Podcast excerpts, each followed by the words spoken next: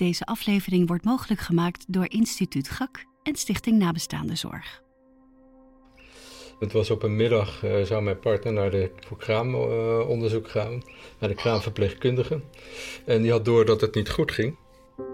Dit is het waargebeurde verhaal van Aart Harder.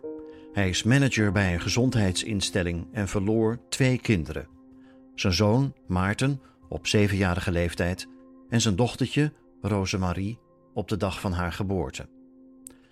Het verhaal van Aart begint met twee telefoontjes. De eerste van zijn zwangere partner, het gaat niet goed. En dan gaat de telefoon nog een keer. En op die middag werd ik ook gebeld door uh, het huis waar mijn vader was, dat mijn vader een hartaanval had gehad en dat hij was overleden. Wat doe je op de dag dat je hoort dat je ongeboren kind in gevaar is en je vader is overleden? Aart besluit als eerste zijn werkgever in te lichten. En die komt meteen met een opmerkelijk voorstel aan Aart. Dus dat heb ik netjes aan mijn directeur verteld.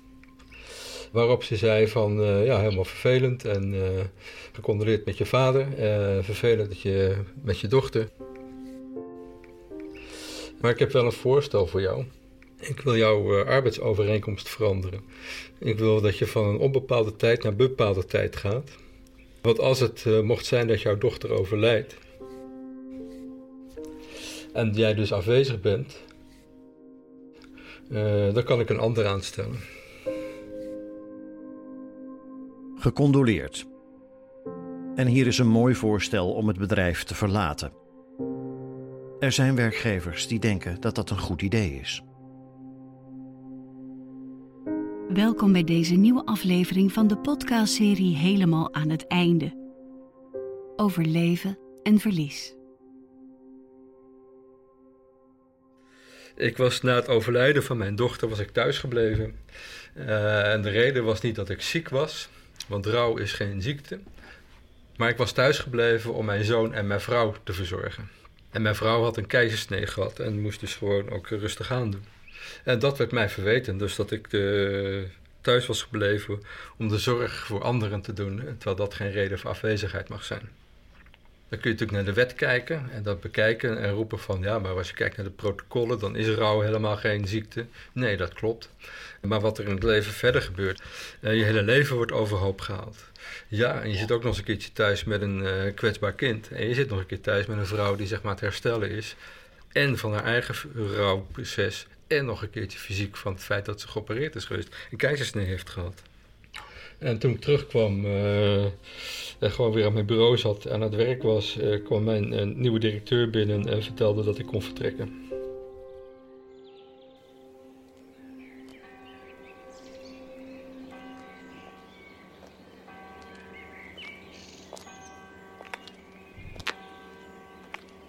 Zometeen meer over het bijzondere verhaal van Aart Harder. Want wat doe je in de periode nadat je je pasgeboren dochtertje en je vader begraven hebt? Wanneer kun je zelf weer aan het werk? Wanneer kun je je partner thuis alleen achterlaten? En ook wanneer neem je als werkgever contact op? Mijn naam is Betty Lou Middelleenheer. En ik ben Richard Grootbot. Welkom in het tweede seizoen van de podcastserie Helemaal aan het einde. Hoe ga je om met je werk als je rouwt? En hoe kun je als bedrijf een werknemer helpen die iemand is verloren? Hoe vermijd je conflicten en hoe ga je ermee om als ze er toch zijn? Daarover praten we in deze eerste aflevering die gaat over rouw op de werkvloer. Stil worden. is een werkgever die stil wordt om te ervaren hoe die boodschap ook bij hem binnenkomt en de adempauze neemt. Niemand wil dat zijn werkgever hem meteen de deur wijst in een periode van rouw. En geen werkgever wil zelf fouten maken. Maar hoe zou je dan wel willen dat een werkgever reageert als iemand die voor hem werkt belt en zegt dat iemand in zijn gezin, in zijn familie is overleden? Jacob van Wielink is rouwdeskundige. Hij schreef verschillende boeken over omgaan met rouw. Hij is ervan overtuigd dat een werkgever een grote rol kan spelen in het leven van iemand die rouwt. En zijn advies in zo'n eerste fase is: luister eerst even. En in die energie van stilte creëert hij dan de mogelijkheid van werkelijke nabijheid. Want een werkgever die nabij kan zijn, die uit kan reiken, die aandacht kan geven. En die in die aandacht aan de ander de vraag kan stellen: wat heb jij nodig? Wat gebeurt er met je? Hoe is het met je vandaag? Dat is denk ik het grootste geschenk wat hij kan geven. Mensen die geconfronteerd worden met een verlies, die hebben in eerste instantie nabijheid nodig. Maar wat nou als dat niet gebeurt? We proberen in deze podcastserie telkens twee kanten van een verhaal te laten zien: de goede en de minder goede kant.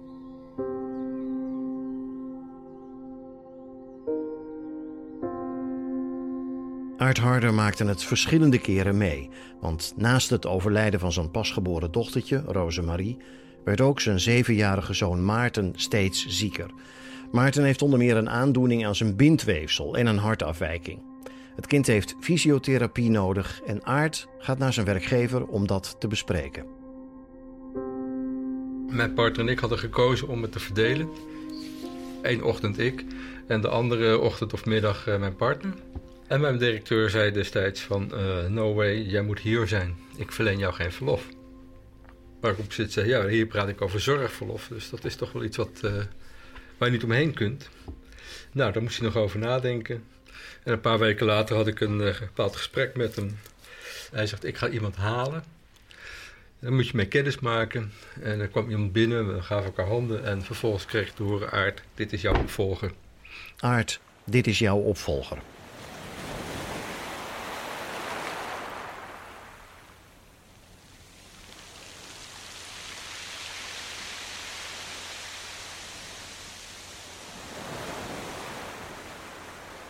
Laten we er eens van uitgaan dat de werkgever goede bedoelingen had en Aard niet plomp verloren wilde confronteren met het feit dat hij zijn baan zou kwijtraken. Hoe zou hij gedacht hebben dat Aard reageerde? Opgelucht dat hij niet meer hoefde te werken? Dit is wat er in werkelijkheid gebeurt. Ik heb netjes handgegeven, we hebben kennis gemaakt. Ik was totaal flippercasted. Ik dacht, hoe kom ik hier levend deze deur uit? Uh, ik ben mijn kamer uitgegaan ben naar mijn eigen kamer gegaan en echt compleet perplex van wat heb ik nu uh, aan mijn broek hangen. Ik heb nog wel een bepaalde vergadering gedaan met de ondernemingsraad, want die stond gepland. Ben dan naar huis gegaan en ik heb muziek gemeld. Het is misschien moeilijk om je voor te stellen dat het verhaal van Aart Harder ook nog weer de goede kant op gaat. Maar dat is wel zo. We horen later meer van hem. Even een verhaal tussendoor. Veel mensen denken dat het niet kan, ontslagen worden als je ziek bent. Op papier hebben ze gelijk. Maar de werkelijkheid ligt anders, zegt advocate Lydia Prinsen van Boomberg Advocaat in Hilversum. Lydia en haar collega zijn gespecialiseerd in arbeidsrecht. In principe is het zo dat er in de eerste twee jaren van ziekte een opzegverbod geldt. Uh, en soms in een derde jaar als je niet goed hebt gereïntegreerd. Maar dan nog kan het zo zijn als je op basis van persoonlijke gronden, dus ontslagredenen die thuis horen bij de kantoorrechter, uh, toch als werkgever iemand kunt ontslaan als je kunt uitleggen in zo'n procedure dat het om een andere reden is dan die ziekte. En dan moet je denken aan een verstoorde verhouding of onderpresteren. Um, en daar moet dan ook wel een dossier voor bestaan. Maar dan is het mogelijk om toch, ondanks dat een werknemer ziek is, afscheid te nemen van die werknemer. En na die twee jaar is het opzegverbod eraf en kan je zelfs vanwege langdurige arbeidsongeschiktheid uh, een ontslagvergunning aanvragen en dan is het bij het UWV. Ik heb ooit een meneer geholpen, uh, toen stond ik aan de kant van de werknemer, die op een gegeven moment in de rouw kwam vanwege het verlies van een, een, een kindje en een ouder. En daardoor ook onderpresteerde en dat niet goed uh, aangaf op de werkvloer dat hij daar toch nog wel mee geconfronteerd werd met dat verdriet. Dat was ook op een wat later moment dan de eerste schok van het verlies. En, en toen is dat een hele uh, langgerekte discussie over uh, onderpresteren geworden. En waarbij partijen best wel tegenover elkaar kwamen te staan. En die is uiteindelijk met een overeenkomst beslecht. Na een heel mediatiegesprek, maar dat was toch een zware, zware route. Dus het was goed dat beide partijen uiteindelijk toch ook werden bijgestaan door jurist. En het was misschien handiger geweest als partijen eerder toch uh, hulp hadden gezocht van een juridisch adviseur. Omdat ze, het was al enorm geëscaleerd. En dan is het toch heel moeilijk om uh, zonder al te veel kleerscheuren uh, voor ook zo'n werknemer die daar ook aan leidt uh, een regeling te sluiten. Want eigenlijk is een arbeidsovereenkomst beëindigen ook een rouwproces. Hè? Je neemt afscheid van een relatie met je werkgever.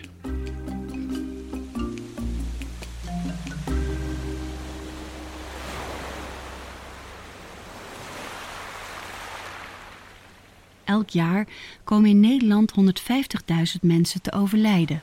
Vrijwel iedereen die een baan heeft, zal het een keer meemaken. Een gemiddeld bedrijf wordt er elk jaar mee geconfronteerd. En meestal zijn de mensen langer uitgeschakeld op het werk dan de 1 tot 3 dagen verzuim die daarvoor staan.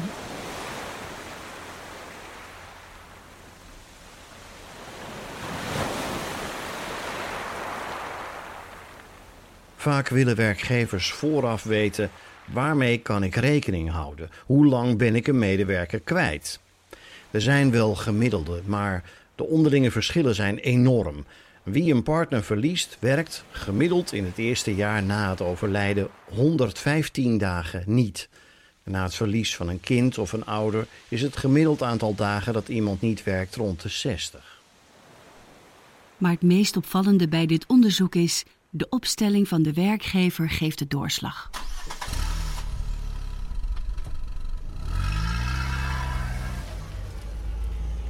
Ik ben onderweg naar Peter Thomassen. Uh, zijn naam is van verschillende kanten genoemd. Met die man moet je gaan praten. Hij weet alles van het onderwerp rouw op de werkvloer. Zelf heeft hij ook iemand verloren, zijn vriendin. En toen, zegt Peter, toen heeft mijn werkgever een heel belangrijke rol gespeeld in het rouwproces. Mijn werkgever, zegt hij, heeft precies het goede gedaan. Nou, dat verhaal moeten we echt even horen.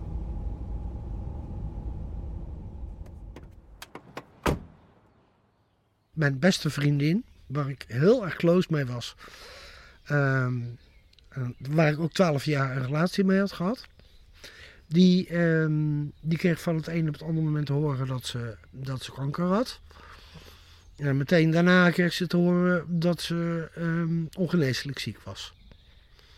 En ik heb de hele mantelzorg op me genomen. en vier maanden na de is ze gestorven. En uh, waar ik bij was. En en uh, Marlies was er niet meer. En uh, nou, daar zat ik dan. Uh, een stukje zingeving viel dus voor mij weg, omdat ik die, die, die mantelzorg had gedaan. En, um, en het missen, het missen, de, het gat, de leegte. Peter is werkzaam als therapeut.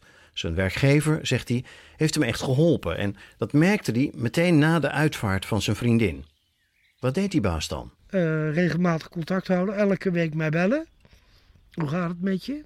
Wat zou je, wat, wat zou je, zou je willen werken? Zou je, zo, zo ja, hoe lang zou je dat willen doen? Zijn er misschien bepaalde taken um, die nog te veel van je vergen? Dat je misschien wat taken op je neemt die wat minder verantwoordelijkheden met zich meebrengen. En ze is bijna in alles meegegaan. Uh, en ook niet zo van, nou, blijf maar lekker een half jaar thuis hoor. Dat moet je dus juist niet doen, hè? Dat is gewoon het algemeen gesproken niet goed. Alle ervaringsdeskundigen, alle therapeuten die we spraken, ze komen allemaal met hetzelfde punt. Neem geen beslissingen voor iemand die rouwt, maar leg de regie neer bij de werknemer. Bij Peter gaan er na een jaar dingen mis. Zijn werkgever merkt dat hij zich niet meer zo goed kan concentreren. Nou ja, zij merkte natuurlijk wel op um, dat ik hier en daar wat steken liet vallen hè, uh, in mijn werk. En dat was, bleef natuurlijk niet onopgemerkt. Maar in plaats van om mij daar nou stevig op aan te spreken, dan vroeg ze aan mij: hoe gaat het eigenlijk met je, Peter? en hoe gaat het met jouw proces? Ja, soms wat moeilijk om te focussen en wat, wat moeilijk om te concentreren. Hele normale uh, symptomen van rouw en verlies. Hè? Met name, met name het, het, het geheugen en het vermogen om te focussen ook. Dat is erg lastig. Peter gaat met zijn werkgever praten over de mogelijkheid van onbetaald verlof. Hij krijgt zes maanden vrij af. Ik ben eh, de eerste maand eh, nog eh, in Nederland gebleven. En daarna ben ik gewoon mijn rugzak een beetje op zijn hippies. Vier maanden door Zuid-Azië gaan trekken.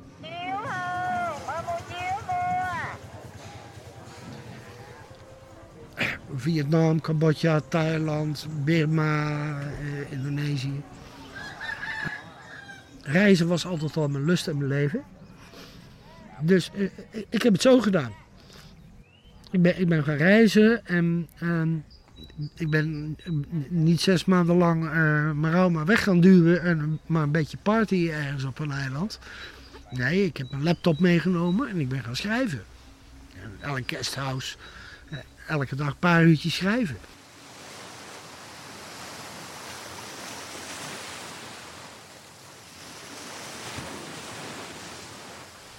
En wat daar ook bij hoorde is dus ehm, ja, een herwaardering van mijn leven. Hè? Hoe ziet mijn leven eruit? Ehm, en en, en dat werk, ja, ik, ik heb er zes maanden op. Wat, wat wil ik daar nog wel van en wat wil ik daarna nog niet van? Nou, ik heb besloten dat ik bepaalde taken dus niet meer wilde. Zo, nou, daar word ik niet blij van, niet gelukkig van en ik ben er ook niet goed in ook. Maar ik dacht, verdorie, dat beroep als rouw- en verliesbegeleider. Dat is eigenlijk een mooi vak. Peter besluit om zich te laten omscholen. Hij is nu een rouwbegeleider. Wie vastloopt in een rouwproces kan bij hem terecht voor therapie. Maar waar kan een werkgever eigenlijk terecht als een van zijn werknemers vastloopt in zijn rouwproces? Weer even een verhaal tussendoor. We hebben net gehoord dat je als werkgever het beste je medewerker de regie kunt geven. Maar wat zijn je rechten als ondernemer, als werkgever? Of bepaalt de bedrijfsarts die? Laten we weer eens luisteren naar de deskundige. Eigenlijk is dat gek, maar we hebben dus niet dat eh, een wettelijk verlofrecht van, om thuis te mogen blijven als je te maken hebt met een verlies, een overlijden van een naaste. Eh, alleen dat je een paar dagen krijgt om ehm, dingen te kunnen regelen. Eh, en dan houdt het ongeveer op. Dus als iemand dan toch nog niet aan kan en een werkgever stelt iemand niet vrij met behoud van zijn salaris, dan is het toch vaak dat er sprake is van ziekteklachten. Want vaak hebben die mensen ook die daarmee worden geconfronteerd daar last van. En dan, eh, dan is het eigenlijk in samenspraak met de bedrijfsarts dat er wordt gekeken naar belastbaarheid wat mogelijk is. Dus we, we, doen het eigenlijk met de middelen die we hebben. Maar op basis van die ziekteklachten wordt dan bekeken wat er kan. En daarvan is de bedrijfsarts de arts die daar leidend in is. En wil een werknemer dat advies niet opvolgen, dan moet hij een second opinion aanvragen bij een andere arts. Een, tweede bedrijfsarts is, een soort route voor. Of eh, het UWV. Dus, dus de artsen zijn eigenlijk degene eh, op basis waarvan partijen dan in, eh, moeten verder schakelen in zo'n situatie. Of partijen moeten echt on zulke speaking terms zijn en er moet niet echt sprake zijn van ziekte dat ze in heel goed overleg afspraken met elkaar kan maken over in hoeverre iemand weer kan terugkeren, wat hij kan doen, hoe hij met zijn collega's kan samenwerken. Ja, dan ben je er ook. Als je dat vertrouwen hebt om dat op een goede manier te doen, dan, dan dat werkt natuurlijk het beste. Wat ik eh, een hele goede ontwikkeling vind, is dat veel werkgevers toch eh, inspanningen verrichten om een, in een bedrijfsreglement een rouwprotocol op te nemen.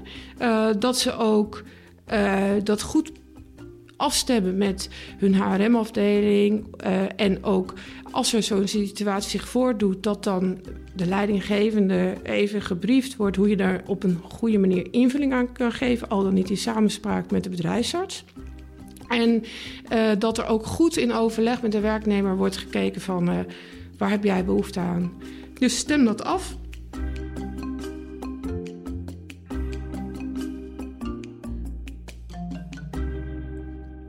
Terug naar het verhaal van Aart Harder. Hij is manager bij een gezondheidsinstelling en verliest zijn pasgeboren dochtertje en zijn vader komt te overlijden. Hij krijgt in de periode waarin zijn andere kind, een zoontje van zeven, ziek wordt, een paar keer te maken met een werkgever die hem het liefste zo snel mogelijk buiten de deur zet. Het vertrouwen is weg en Aart besluit naar een ander bedrijf te gaan. Dan blijkt dat zijn zoon met een ernstige auto-immuunziekte een virus heeft opgelopen. En als je praat over de huidige coronatijd met eh, lockdown en virus en dergelijke, kennen wij dat ook. Maarten werd ziek vanwege een virus. En niet zo'n klein beetje ziek, hij moest naar de intensive care. Uh, en hij was natuurlijk heel kwetsbaar. En hij heeft zeg maar uh, bijna, nou, bijna twee weken op intensive care gelegen aan de, de beademing. Uh, hij is er doorheen gekomen overigens.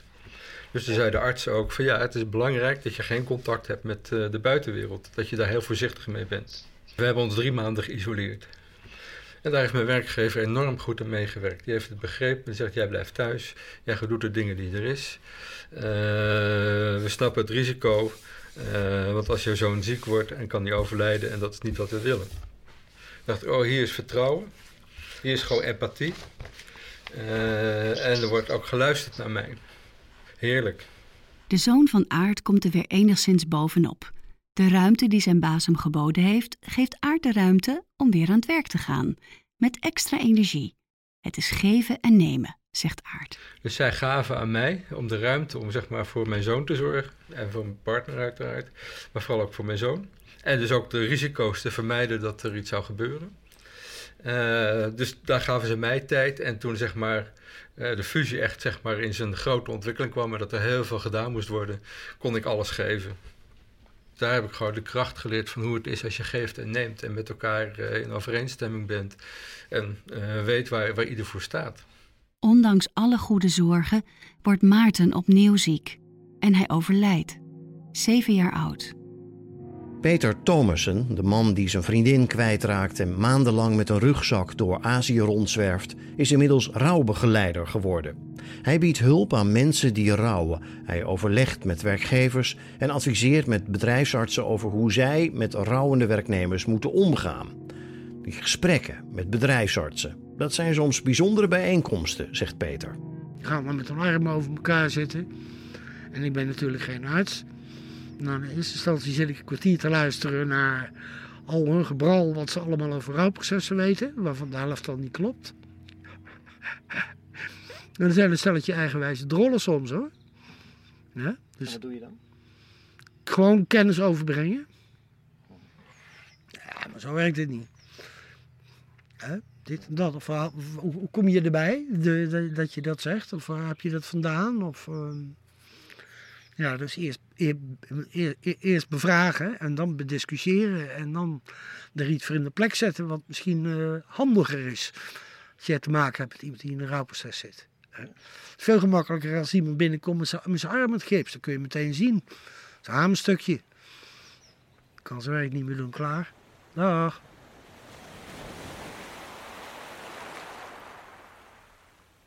Jacob van Wielink de deskundige die we aan het begin van deze aflevering hoorden, ondersteunt werkgevers en grote bedrijven onder meer in het omgaan met rouwende werknemers. Blijf in gesprek is een van zijn tips. Blijf praten, ook als dat moeilijk gaat. Hij adviseert werkgevers om de context van zo'n gesprek in het begin klein te houden. Vraag niet hoe het gaat als een partner net is overleden, want het antwoord daarop kent iedereen wel. Maar vraag: hoe gaat het vandaag met je? Als dus jouw wereld op zijn kop staat en je krijgt die vraag: hoe is het met me? Ja, dan heb je helemaal vaak geen idee wat je daarop moet antwoorden. Maar als je zegt van joh, gaat het vandaag met je? Dan kun je zeggen, nou, ja, vandaag, dat is wel grappig dat je dat vraagt, want vandaag ben ik voor het eerst opgestaan dat ik geen last had van een paniekaanval. En uh, dat was een hele fijne ervaring, want ik heb eigenlijk al vier weken lang paniekaanvallen. Die had ik vandaag voor het eerst niet en ik merk dat, ik, dat het daardoor vandaag wel een stuk beter met me gaat. Fijn, dus vandaag gaat het een stuk beter met je. Ja, vandaag gaat het een stuk beter. Dus de vragen klein houden. En ook bereid zijn om te luisteren naar het antwoord wat je krijgt. Dat niet, niet, niet over in te vullen. Geen interpretaties eraan geven die niet met jou gedeeld... Geen dingen erin leggen die niet met jou gedeeld worden. En ook vraag aan die ander wat hij nodig heeft. Dus we weten op het moment dat wij vragen aan de ander wat hij nodig heeft en hoe jij daarbij behulpzaam kan zijn, is dat de ander daardoor ook het gevoel van autonomie weer krijgt. Dus daar waar je het controleverlies zo hebt, omdat je wereld op de kop is komen te staan door het verlies, je ook het gevoel hebt dat je minder autonoom bent, dat je overgeleverd bent als het ware aan krachten en machten die, die je niet kunt beïnvloeden, is door de dialoog die er ook weer kan ontstaan. Wat heb je nodig? Hoe kan ik je vandaag van dienst zijn? Dat geeft je ook weer het gevoel dat je weer iets van die controle terug kunt krijgen op dat terrein. En daarmee zijn we helemaal aan het einde van deze eerste aflevering in dit nieuwe seizoen. Heb je een vraag over deze podcast? Neem dan contact met ons op via Instagram, Twitter, Facebook of e-mail. Je vindt alle links in de show notes. Dat is de tekst bij deze aflevering in je podcast-app. In die show notes vind je ook links naar meer informatie over de onderwerpen in deze aflevering. Of ga naar onze website helemaal aan het einde.nl. Daar vind je alles overzichtelijk bij elkaar. Heeft deze aflevering je geïnspireerd of geraakt? Schrijf dan een review bij Apple Podcast of laat een rating achter. Of als je luistert via Spotify, deel de aflevering. Dan help je anderen om deze podcast te ontdekken. Vergeet niet om je gratis op deze serie te abonneren met de subscribe of abonneerknop. Dan verschijnen nieuwe afleveringen automatisch in je podcast-app. Heeft u een verlies geleden en wilt u in contact komen met nazorgconsulenten, ervaringsdeskundigen die individuele ondersteuning bieden en helpen bij complexe vraagstukken? Dan is Stichting Nabestaande Zorg een informatiepunt waar u terecht kunt met uw vragen en zorgen rondom rouw, verlies en nalatenschap. Zij brengen ook lotgenoten samen. U vindt alle informatie op stichtingnabestaandezorg.nl.